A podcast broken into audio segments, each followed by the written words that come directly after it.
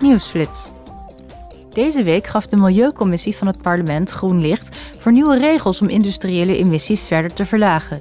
De regels zijn bedoeld om de lucht-, water- en grondvervuiling als gevolg van emissies van grote landbouwbedrijven en industriële installaties te voorkomen en te bestrijden.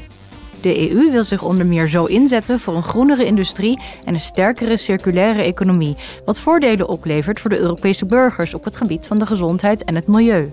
Voor het eerst zullen de regels ook van toepassing zijn op grote rundveehouderijen, mijnen en batterijfabrieken.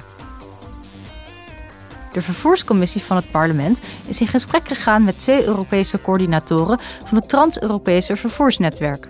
De coördinatoren voor de Atlantische corridor en de Mediterrane corridor brachten de betrokken parlementsleden op de hoogte van de laatste ontwikkelingen in deze belangrijke gebieden van het vervoersnetwerk. Gisteren hebben de Commissie Buitenlandse Zaken en de Commissie Internationale Handel een hoorzitting gehouden over de uitvoering van de handels- en samenwerkingsovereenkomst tussen de Europese Unie en het Verenigd Koninkrijk, die nu twee jaar van kracht is.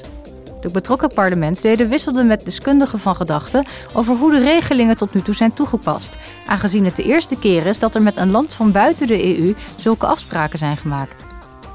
Dit was het voor vandaag. Dinsdag zijn we terug met meer nieuws van het Europees Parlement.